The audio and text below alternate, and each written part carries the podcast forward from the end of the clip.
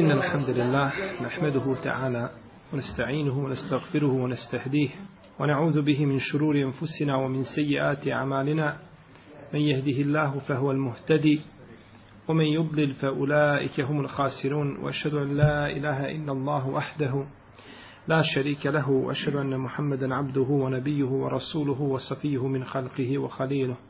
أدى الأمانة وبلغ الرسالة ونصح للأمة وكشف الله تعالى به الغمة. وجاهد في الله حق جهاده حتى أتاه اليقين. يا أيها الذين آمنوا اتقوا الله حق تقاته ولا تموتن إلا وأنتم مسلمون. يا أيها الناس اتقوا ربكم الذي خلقكم من نفس واحدة وخلق منها زوجها وبث منهما رجالا كثيرا ونساء واتقوا الله الذي تساءلون به والأرحام إن الله كان عليكم رقيبا. يا أيها الذين آمنوا اتقوا الله وقولوا قولا سديدا يصلح لكم أعمالكم ويغفر لكم ذنوبكم ومن يطع الله ورسوله فقد فاز فوزا عظيما. أما بعد فإن أصدق الكلام كلام الله تعالى وخير الهدي هدي محمد صلى الله عليه وسلم وشر الأمور محدثاتها وكل محدثة بدعة وكل بدعة ضلالة وكل ضلالة في النار. أما بعد فعن عبد الله, فعن عبد الله بن عباس رضي الله عنه قال اعتب النبي صلى الله عليه وسلم بالعشاء فخرج عمر فقال الصلاة يا رسول الله. رقد النساء والسبيان فخرج ورأسه يقطر يقول لولا أن أشق على أمتي أو على الناس لأمرتهم بهذه الصلاة في هذه الساعة. Od Abdullaha ibn Abbas radijallahu anhu se prenosi da je rekao okasnio je poslanik sallallahu alaihi wasallam jedne večeri sa jacijom pa je izišao Omer i rekao namaz Allahov poslaniće pospaše djeca i žene. Pa je izišao poslanik sallallahu alaihi wasallam da klanja namaz a sa njegove glave je kapala voda. Pa je rekao da se ne bojim da ću opteretiti svoj ummet ili ljude, ja bih im naredio da klanjaju ovaj namaz u ovo vrijeme. Abdullah ibn Abbas radijallahu anhu, časni ashab poslanika sallallahu alaihi wasallame, o kome smo govorili u poglavlju istitabeta. Alim ovoga ummeta, naročito u poznavanju Allahove tebarake od tala knjige, Nakon smrti poslanika sallallahu alejhi ve selleme došao je kod jednog ensarija i rekao mu: "Hajde kaže da stičemo znanje skupa." Pa mu rekao ovaj ensarija: "Kaže šta šta ti smatraš? Šta zamišljaš? O čemu maštaš? Da ćeš postati alim jednog dana učen?" Pa je okrenuo se ensarija i nije htio nešto posebno sticati znanje, a Ibn Abbas je strpio se pa ga sticao pa bi dolazio kod Zejda ibn Sabita prije sabah namaza i čekao ga da iziđe da ga nešto pita. Pa je postao jedan veliki alim ovoga ummeta, tako da kaže šeqiq, tako mi Allaha da ga čuju ehlu rum, kako tefsiri Kur'an Sibri primili islam od njegovog tefsira. Kako je tefsirio i kako govori, kaže, poznavajući Allahove Đerašanu ajete i poznavajući a, komentare kuranskih ajeta. U svakom slučaju njegovoj biografiji smo već opširno govorili. Iz ovoga hadisa možemo zaključiti da je poslanik sallallahu alejhi ve selleme običavao klanjati jaciju namaz ranije ili kasnije? Ranije. Ranije. Jer kada je Omer izišao, rekao je Allahu poslaniće pospaše žene i djeca. Znači nismo mi navikli na ovo. Ovo sada što se uradio, to nije poznato kod nas. Što se okasnio? Protivno ga ne bi Omer šta? Zvao nikako. Da je poslanik sallallahu alejhi ve sellem imao običaj da okasni sa jacijom, ne bi Omer izlazio i zvao poslanika sallallahu alejhi ve sellem pospaše žene i djeca, pa to svako večer dešava. Zbog čega ga zoveš večeras? Pa nam to ukazuje da poslanik sallallahu alejhi ve sellem da je običavao klanjati jaciju ranije, ali bi je ponekad iz ovog ili onog razloga odgodio znači u noć. Ovo pospaše žene i djeca što je kazao Omer radijallahu anhu Postoji mogućnost da se to odnosi na žene i djecu koji su bili u džamiji i čekali jaciju sa ashabima. Ili da se odnosi na žene i djecu po kućama. Pospaše čekajući nas da se vratimo kućama. Pa je Omer otišao da pozove poslanika sallallahu sallam smatrajući da je Allahov vjerovjesnik alejhi sallatu vesselam šta? Zaboravio namaz. On je mislio da je poslanik sallallahu zaboravio namaz, da je smetnuo, pa ne izlazi. Pa ga je otišao posjetiti radijallahu ta'ala anhu. Pa je izišao poslanik sallallahu sallam a sa njegove glave kaplje voda. U ovome hadisu je dokaz da je dozvoljeno a i da se namaz može odgoditi radi razloga. I kažu da je ovdje poslanik sa osvrme odgodio namaz radi razloga. Jer je voda kapala s njegove glave od kupanja. I ovo se ne kosi sa riječima da se ne bojim da će opteretiti svoj umet, naredio bi da se klanja ovaj namaz u ovo vrijeme. Znači ovo su riječi općenite koje se odnose na sve namaze, a to već je zakasnio radi kupanja. Tako da nema znači kontradiktornosti između a, prvog i zadnjeg dijela hadisa. I nije pojmljivo niti za shvatiti, niti za kazati da se da je kapala voda sa glave poslanika sa od abdesta. Nego od, od a, gusula, zato što čovjek pri znači potiranju glave potare jednostavno glavu, a ne pereje. Tako da nema znači šta kapati sa glave. I ome hadisu je dokaz da je da opća naredba povlači za sobom obavezu izvršavanja dotičnog dijela. Jer kaže se da se bojim, a bojim se da e, kada ne bih opteretio svoj umet, naredio bih im da šta? Klanjaju jaci u ovo vrijeme. Pa bi tada naredba bila šta? Obaveza. U protivom nema opterećenja. Kako opterećenja ako mi nije obaveza? Ako neko kaže uradi neki težak posao, ako hoćeš, jel te opteretio? Nije, jer ako ti je teško, ostaviš ga. No, međutim, ovdje je poslanik sa osanama rekao da bi da se ne boji da će opteretiti umet, naredio bi da se klanja kao za misvak. Da se bojim da neće opteretiti svoj umet, naredio da koriste misvak pri svakom namazu, drugo je pri svakom abdestu. Pa bi to bilo obavezno, znači korištenje misvaka, u ovome slučaju ovdje klanjanja jacije jeli, u ovo vrijeme. I ome hadisu isto tako dokaz da čovjek, da je poslanik sa mogao ići haditi po pitanju određenih propisa da je mogao učiti haditi po pitanju određenih propisa i o tome smo opširnije govorili u poglavlju svaka. I ome hadisu isto tako dokaz da je dozvoljeno da čovjek upozori nekoga koje je viši od njega po odlici, po znanju, po položaju i tako dalje, da ga upozori znači na propust koji je učinjen naravno sa edebom, sa etikom, a, a, znači držeći se pri tome a, islamskih onih principa i pravila, I da se može, znači, upozoriti, jer je Omer radijallahu anhu upozorio poslanika, sallallahu alaihi sallame, misleći, znači, da je zaboravio. A isto je tako, kažu lijepo, učenom čovjeku ili imam u džami, da ljudima kaže zbog čega je zakasnio. Da kaže ljudima, znači, zbog čega je zakasnio, tako da ljudi ne misle o njemu šta? Ružno i loše zakasnio sam iz razloga tog i tog, jer kad čovjek navede razlog zbog koga je zakasnio, onda se sigurno mnoge nejasnoće iskristaliziraju i tada znači ljudi drugačije gledaju na njegovo zakašnjenje i možda mu ga neće uzeti kao, kao zlo. U ome hadisu isto tako dokaz da se čovjek ne mora brisati, ne treba brisati nakon kupanja. Neće znači uzeti ručnik pa da se briše.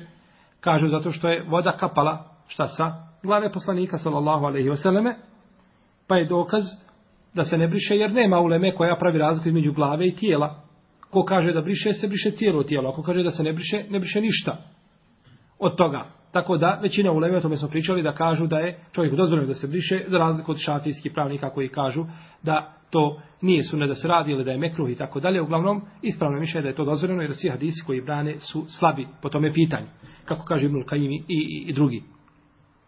No međutim, možemo li ovdje kazati, poslanik sallallahu sallam je izišao, zato što ga Omer pozvao, možda se je samo okupao, i Omer ga pozvao i on na brzinu izletio da stigne na namaz, da ljudi ne, ne, pos, ne, ne zaspu ni djeca, pa nije se imao vremena obrisati.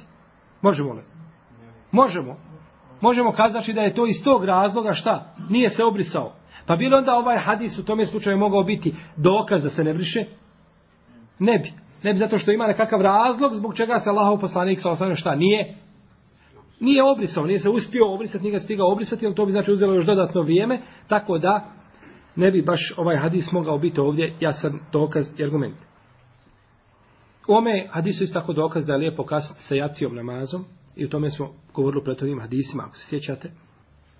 Isto tako ome hadisu je dokaz da čovjek treba gledati na stanja slabih, nejakih, starih, ne samo na svoje stanje. Ti mladić, 25-6 godina, svejedno ti je klanjao u 9, ja klanjao u 12. A nije tako svim ljudima. Žene, djeca, ljudi koji su radili po cijeli dan na e, teške fizičke poslove i tako dalje. Ne smeta znači da se namaz klanja bez sunneta prije toga jacija. Znači da se klanja odmah da se pređe na farz, da se skrati sa učenjem nešto kratko par ajeta da se uči da se skrati, da se olakša ljudima, to je pohvalno i lijepo. Ne treba ljude ispitivati i ovaj ispitivati njihov sabur, nego treba znači olakšati ljudima koliko se može olakšati. Isto tako znači da se a, jacija ranije klanja u prvo vrijeme, da se sabah malo odvodi prema zadnjem vremenu, nikakve smetnje nema ako je u tome lahkoća za ljude i ako će znači veliki veći dio ljudi doći u džemat i slično tome, ne smeta znači da se to sve uradi gledajući znači na olakšice u šerijatu. I ome hadisu je isto tako dokaz da je dozvoljeno čovjeku koji nije koji nije mu jezin stali u džami da ukaže imamu na, na namaz, odnosno na ikamet, jer je za ikamet odgovoran ko? Imam. Imam je odgovoran za ikamet. Mujezin je odgovoran za ezan, a za ikamet je odgovoran imam. I zato ne treba se ikamet prije što imam dade znak. Imam daje znak kada će ikamet se učiti, a ne mujezin. I o tome ćemo podrobno govoriti i, i u Sahiju Fikri Sunne i u ovome dijelu kad dođemo do pitanja ikameta ili namaza u džematu. Naravno ako je u tome korist, a Omer što radio, time je korist bila za sve ljude i za žene i za djecu i tako dalje, pa je znači ukazao na, na vrijeme i, namaza. I ome Adis je dokaz isto tako da je, da je, da je i kamet u rukama imama. U rukama imama, jer je obavijestio poslanika, sa osvijem, pa je onda došao poslanik, sallallahu alaihi sallame, i nakon toga se i, kami obavio, i kametlo je obavio namaz. I ome Hadisu je dokaz da spavanje ne kvari abdest. Kako? Oni kažu da su pospali žene i djeca, a poslanik sa nije naredio šta da ponove? Abdest. U svakom slučaju, mi smo o tome govorili opširno, u Sahih Fiqh Sunan navodili smo osam mišljenja, ima čak i deveto mišljenje, koga nismo spominjali zbog slabosti. Uglavnom, ima osam različitih mišljenja koji su poznati kod uleme i kazali smo na kraju da je najispravnije mišljenje da onaj blagi san koji se zove sinne u arapskom jeziku, la te hudhu sinetun wala neum. Allaha ne obuzima drijemež niti san. Sinne je onaj, onaj blagi drijemež, ono kada čovjek znači samo blago spava, dok je neum, to je san gdje čovjek znači zaspe, zaspe znači duble, pa ona prva vrsta sna ona ne kvari abdest. Znači, ono demuckanje čovjeka, kada mu glava polako padne na, na prsa, pa je on digne, znači, i kaže ulema, gdje je ta granica da čovjek zna, gdje je ta granica da čovjek zna da li je zaspao ili nije zaspao, kaže ako ima u ruci, na primjer, olovku, ima u ruci olovku, ja ću vas pitati nakon predavanja, da vidim koliko ste ovaj, pazne me, koliko me pazite kad pričam ovaj, a, kada čovjek ima olovku u ruci ili nešto, pa spava i ispadne. Ako osti da je ispala, šta je? On nije zaspao. Ali ako mu ispadne i on ne, ne, ne, ne primijeti, ne reaguje, onda je zaspao. Da ne govorimo, da ne pravimo druge nekakve primjere, da ne navodimo kad čovjek spava, pa mu cigareta ispade na njega, pa ga zapali. I, i takvih je bilo, braćo, da čovjek sebe zapali sam, zaspe. Čovjek je pušio i zaspao, ništa nije mogao nego jednom rukom pokretati, samo je mogao cigaru usta i pušiti. I, i zaspao je tako i cigara ispadne, cigareta ispadne i zapali ga i on jednom rukom samo može pomjerati, ničim drugim. I nije se mogao spasti i Allah je odredio tako da, ovaj, da, da, da izgori. U, u svakom slučaju, znači čovjek koji zna, zna šta se dešava kod njega, da ga neko zove da kaže Muhammede, on će reći šta je, čuje znači glasove oko njega, čuje to, to je ono blago da muckanje, to ne kvari san. A e, spavanje gdje čovjek znači upadne u, u san i da ne zna šta se dešava, izgubi se na, jer, iako to bilo kratki moment, takav san kvari abdest i o tome smo općenito i, i podobno o tome govorili ovdje, ja vjerujem da svi toga sjećate. Ovo bilo kratko, znači o hadisu, vidimo da je ovaj hadis Abdullah ibn Abbasa, iako je kratak po svome sadržaju, pun je poruka ovaj, i koristi koje možemo uzeti iz ovoga hadisa. Naredni hadis je عن عائشة رضي الله عنها عن النبي صلى الله عليه وسلم قال إذا أقيمت الصلاة وحضر العشاء فابدأوا بالعشاء kada se prouči kamet i postavi se večera, počnite sa večerom. I sličan ome hadis prenosi i Abdullah ibn Abbas. E, oprostite, prenosi Abdullah ibn Omar. O Ajši i o Abdullah ibn Omeru smo govorili posebno u poglavlju Taharata i u poglavlju Stetabeta, pa nećemo ovdje ponavljati kaže Ibn Mende u svome Mustahređu, prenosi ga pored e, uh, Ajše, Ibn Omar i Umu Seleme i prenosi ga Enes, Ebu Hureyre i drugi ashabi. Kaže, kažu neki islamski učenjaci da ovdje je došlo i da u qimeti sala i da u qimeti sala kada se prouči kamet, ovdje je došlo es sala sa određenim članom, pa to se odnosi samo na poseban šta? Namaz, jedan namaz. Znači, za taj namaz, ako se prouči i kamet i postavi se večera, šta? Počnite sa, sa večerom. Znači, to je samo za jedan namaz, jer je došlo es sala. Koji je to namaz? Kažu, to je, to je akšam namaz. Jer se za vrijeme akšam namaza šta? Večera. No međutim, drugi kažu, ovdje je sad spor između akšama i jacije, naravno ljetno, zimsko vrijeme i tako dalje. Kada se večera? Kada ko? iftari, kada se iftari, jest. Ovdje kaže, znači, el aša je večera. Kada se postavi, znači, večera. Ostalo je ovdje, znači, opet da ne možemo, da, da, da treba čovjek, znači, da se, uh, ili da se dvoumimo između jacije i akšama, što je ta dva namaza. No, međutim, ispravno je, a, to potvrđuje predaj koji bilježi tabarani, za koju kaže Ibn Hađar Askalani da je vjerodostojna, da je poslanik, sa sam rekao, i da vudi ala ša, wa ahadukum saim, febdeu bihi, kable entusallu kada se postavi nekom od vas večera, a on posti, neka prvo jede, pa neka onda klanja. A o čemu se radi sada o? Akšam, jer postač, znači akšam. I došla je druga predaja kod muslima, još jasnija po ome pitanju, u kojoj stoji, febdeu bihi kablen tu salu salat el magrib. Počnite sa večerom prije nego što klanjate akšam. Pa se odnosi na šta? Na akšam. Kaže neka ulema da ovaj se namaz odnosi znači da, da se ova zabrana odnosi ili naredba da se da se prvo a, jede pa onda klanja striktno za koji namaz za akšam namaz dok kažu drugi učenjaci malikijski pravnici neki drugi kažu ne ne isti je tu propis za akšam ili za neakšam. akšam jer je razlog jedan iz koga je zabranjeno to je šta da čovjek može biti skoncentrisan za nama, na namazu jedan je namaz čovjeka koji je gladan i puši mu se hrana i osjeti miris i on došao da stao, stao da klanja. Jadan je i on njegov namaz. Znači nema to, taj namaz je samo biti forma. Od suštine nema ništa. Pa kažu ovdje isto, jer kako čovjeka odvodi od a, koncentracije na akšamu, to razmišljanje o hrani, tako ga odvodi od koncentracije sa drugim namazom, je tako? Pa kažu, jeste, znači, istaj, isti je, isti je ovaj, isti je propis A kažu ponekad će čovjek koji je gladan biti potrebniji hrane, koji duže vremena nije ujeo, nego možda ponekad postači i tako dalje.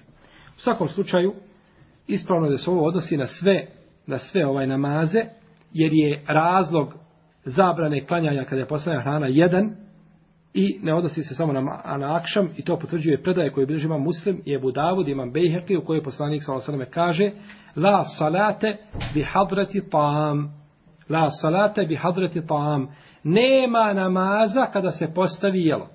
Ha, je sad došao određeni? Sad došlo la salate, nema namaza, nije došlo es sala sa određenim članom.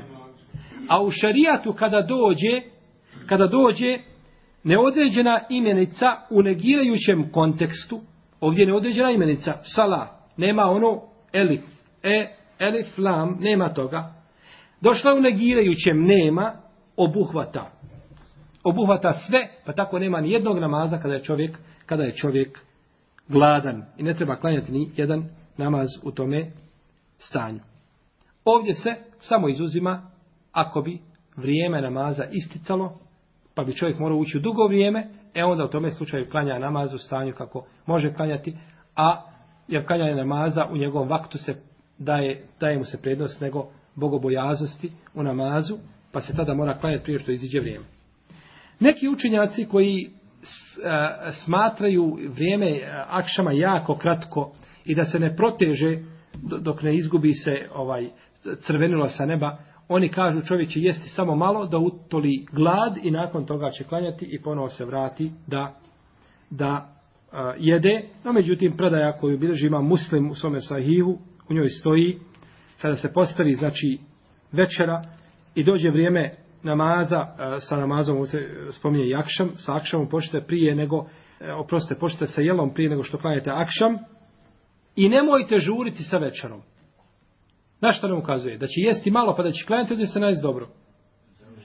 Da će najest, završi jelo, jede koliko može, ne može žuriti. Jedi koliko može, onda klanjaj u tom stanju. Pa znači mišljenje koje kaže da će jesti malo pa da će klanjati pa da se ponovno vrati da jede, to je mišljenje znači slabo jer ovaj hadis kod muslima, njegova spoljašost ukazuje na suprotno tome.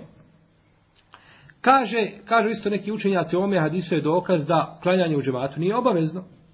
Da klanjanje u džematu nije šta? Obavezno, jer je poslanik sa osanem dozvolio da se ostane, znači, iza džemata, radijela. No, međutim, kaže Ibn Hađar u svom dijelu Fethul Bari, dokazivao imam El Kurtovi, kaže ovim hadisom, da nije obavezno prisustvovanje džemata svakom čovjeku. Zato što je poslanik sa osanem dozvolio da se ostavi džemat radi jela. No, međutim, kaže Ibn Hajar, u ovome dokazivanju, a, a ove, ovo dokazivanje je sporno, Zato kaže što Ibn Hibban naslovio u svome poglavlju, u svome sahihu poglavlju, u kome kaže obaveza namaza u džematu, osim, kaže, kada ima razlog zbog koga šarija dozvoljava da se ostavi taj namaz. Pa je znači obaveza namaza u džematu ostaje, ali, ali se izuzme neki stvari. Znači od te zabrane. Pa kada bi čovjek uradio određenu stvar zbog koje mora izostati od džemata ili mu se ispriječi nekakav razlog, onda ne smeta da ostavi džemat, kao da čovjek mora ići u bolnicu, kao da je čovjek ostavio, pekar ostavio kruh u pećnici, pa će sav došao u džamiju, pa zaboravio, pa će sav kruh izgoriti, pa se vrati nazad da ga makne, pa zakasni na džemat i tako dalje. Znači, sve ono što je nužda za čovjeka i što ga spriječava od pristovanja namaza, kada je opravdan razlog ili sa šarijatskog gledišta. Došlo u jednom hadisu koji ima slab lanac prenoslaca da je poslanik sa osaleme rekao Nemojte, kaže, kasniti sa namazom ni zbog hrane, ni zbog čega bilo drugog. Pa u ovom slučaju ne bi smjeli, znači, šta? Ne bi smjeli jesti pa onda uh, klanjati namaz, nego moralo odmah ići namaz u džematu. No, međutim, ovaj hadis je slab i kosi se sa vjerodostojnim hadisima od poslanika, sallallahu alaihi wa alaihi wa sallame. I ome hadisu je isto tako odlika ome ummetu, kojim je uzvišen Allah te barek tala odlikovao ovaj ummet i da je a, i da ga je znači sačuvao svih onih teških propisa, teških propisa, pa čovjeku kada se postavi hrana, dozvoljeno je znači da iskoristi tu olakšicu, pa da ne ide, da ne ide u džamiju, nego da prvo jede i nakon toga da obavi, da obavi namaz.